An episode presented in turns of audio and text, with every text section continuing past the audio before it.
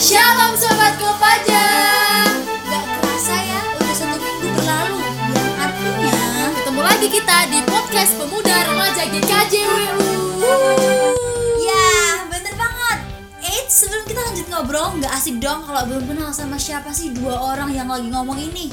Kepo ya, kenalin guys, aku Neta. Tapi di podcast kali ini aku barengan sama adikku Ripka. Hai hai guys Gimana kabar kalian setelah kurang lebih tiga bulan di rumah aja? Udah naik berapa kilo tuh? Udah kayak apa tuh perut kalian? Lipatannya udah pasti banyak banget ya, ratusan kali ya Mau naik berapa kilo pun, yang penting stay healthy ya Nah, sebelum kita ngobrol lebih dalam lagi, aku mau tanya dong sama kakak aku Nita nih. Seminggu belakangan ini ngapain aja sih kak? Ya walaupun aku juga tahu sih sebenarnya dia ngapain aja. Kayak dia nggak tahu aja ya guys ya. Sebenarnya masih sama sih kegiatanku, gak ada yang spesial juga. Apalagi udah kelar uas kan, jadi bener-bener gabut gitu loh. Tapi tetap aku tuh berusaha ya dikit-dikit ya buat produktif. Salah satunya tiap hari aku bantuin mama dan papaku. Eh iya bener, kita kan barengan bantuin soto pinggiran yang enak banget itu kan kak. Endespol Lah malah numpang ngapak nih di sini kita ngapak loh ini Sorry sorry sorry sorry sorry. Balik lagi deh kita ke obrolan kita kali ini. Nah guys, di sini kita bakal nemenin kalian dengan obrolan yang menarik banget dengan tema Be Friendliness. Wow, keren banget kan? So, stay tune ya. Nah, ngomong-ngomong, friendliness tuh apa sih, Kak? Kalau menurut terjemahannya, friendliness itu artinya keramahan. Jadi, kali ini kita bakal belajar bareng gimana caranya jadi anak Tuhan yang ramah ke sama kita. Bener banget nih, apalagi sekarang ini anak-anak muda dicap sebagai anak yang nggak peduli sesama dan lebih mentingin dunianya sendiri. Gila, gila, gila. Nah, di podcast kali ini kita bakal ngajak Sobat Kopaja buat lihat apa sih pesan Tuhan Yesus ke murid-muridnya dan apa yang perlu kita lakuin untuk bisa jadi orang yang. Pastinya pada penasaran kan? Penasaran dong. Gak usah pakai lama-lama lagi, kita siapin Alkitab kita dan tentunya siapin juga hati dan telinga buat terima berkat dari Tuhan. Sebelum kita lanjut, mari kita berdoa bareng. Allah Bapa yang Maha Baik, puji syukur Bapa kami ucapkan kepadamu karena Engkau boleh berkati kami eh, di tempat kami masing-masing saat ini Bapa.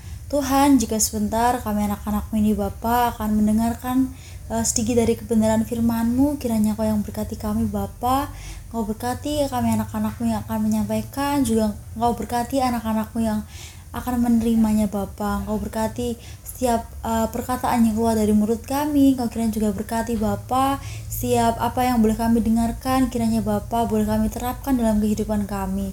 Sehingga Bapa kami boleh menjadi anak-anakmu yang melakukan setiap uh, apa yang Kau kehendaki dalam kehidupan kami Tuhan Yesus. Terima kasih ya Bapa. Di dalam satu nama Tuhan kami Yesus Kristus kami boleh berdoa dan bersyukur. Haleluya. Amin. Oke guys, kita masuk ke bagian yang serius ya. Yuk kita buka Alkitab kita di Matius 10 ayat 40 sampai 42. Aku bakal bacain deh buat sobat kopaja semua. Matius 10 ayatnya yang ke-40 sampai 42. Barang siapa menyambut kamu, ia menyambut aku. Dan barang siapa menyambut aku, ia menyambut dia yang mengutus aku. Barang siapa menyambut seorang nabi sebagai nabi, ia akan menerima upah nabi. Dan barang siapa menyambut seorang benar sebagai orang benar, ia akan menerima upah orang benar. Dan barang siapa memberi air sejuk secangkir saja pun kepada salah seorang yang kecil ini, karena ia muridku, aku berkata kepadamu, sesungguhnya ia tidak akan kehilangan upahnya daripadanya. Nah guys, ayat yang barusan kita baca itu adalah secuplik pesan Tuhan ke murid-muridnya yang baru dipanggilnya. Di sini, Tuhan Yesus nyampein pesannya dengan sangat jelas loh guys. Barang siapa menyambut para murid, itu artinya menyambut Yesus. Barang siapa menyambut Yesus, ia menyambut Bapa yang mengutus Yesus juga. Wow. Tuhan itu ngutus murid-muridnya tentunya bukan tanpa alasan kan Tapi mereka yang diutus Tuhan dipilih buat nyebarin kabar sukacita Yaitu tentang kematian dan kebangkitan Yesus ke seluruh penjuru bumi Gila nggak tuh? Ke seluruh penjuru bumi loh guys Eits, tapi tentunya nggak sembarang orang yang Tuhan tunjuk buat jadi pewartanya loh.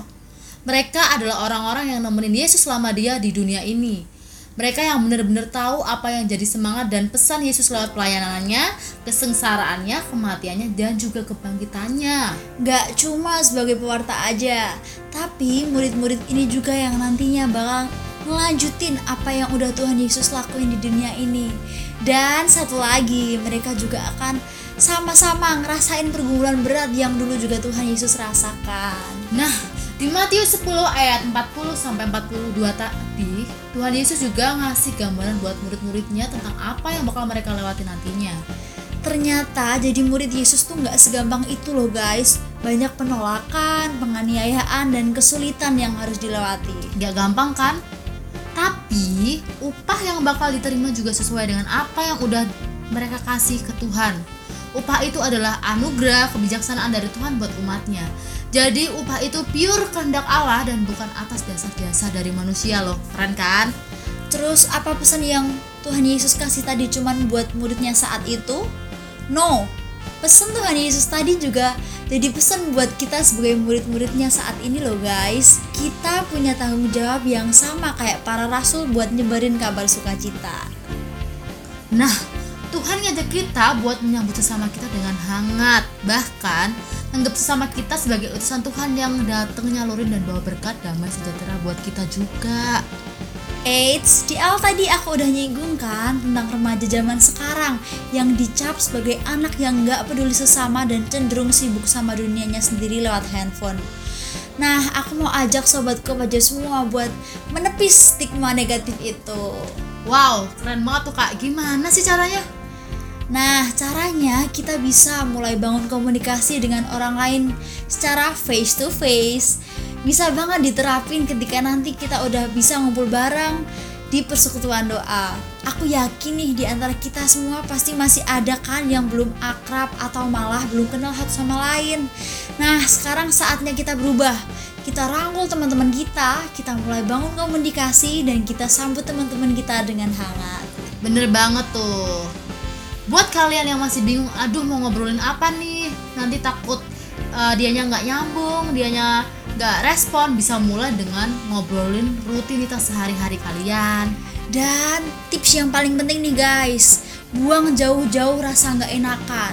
Kita ini saudara, jadi harus saling ngerangkul ya guys. Yuk kita sambut teman-teman kita dengan hangat karena sambutan yang hangat bisa ngedatengin damai sejahtera baik buat kamu yang menyambut atau kamu yang disambut. Gak kerasa nih guys, udah panjang banget kita ngobrol bareng. Iya ya gak kerasa banget nih, waktu tuh cepet banget berlalu. Aku percaya kalau obrolan kita kali ini pasti jadi berkat buat teman-teman semua yang udah dengerin. Amin amin amin. Makasih ya guys sudah dengerin kita sampai sini. Maafin kalau banyak salah-salah kata, namanya juga manusia ya kan, nggak luput dari dosa dan kesalahan. Ya elah. Dan walaupun durasi podcast kita paling dikit dibanding podcast-podcast yang lainnya Gak apa-apa lah ya, yang penting tetap jadi berkat buat kalian semua Ayo ngaku, kalian pada seneng kan durasinya cuma dikit Waka waka waka waka Jangan bosen-bosen dengerin podcast Pemuda GKJU lewat Spotify tentunya Gratis loh guys, nggak dipungut biaya. Ya kali enggak. Udah-udah, sampai ketemu di podcast selanjutnya. Aku Nita pamit. Aku Rip Kacaps Tuhan Yesus memberkati.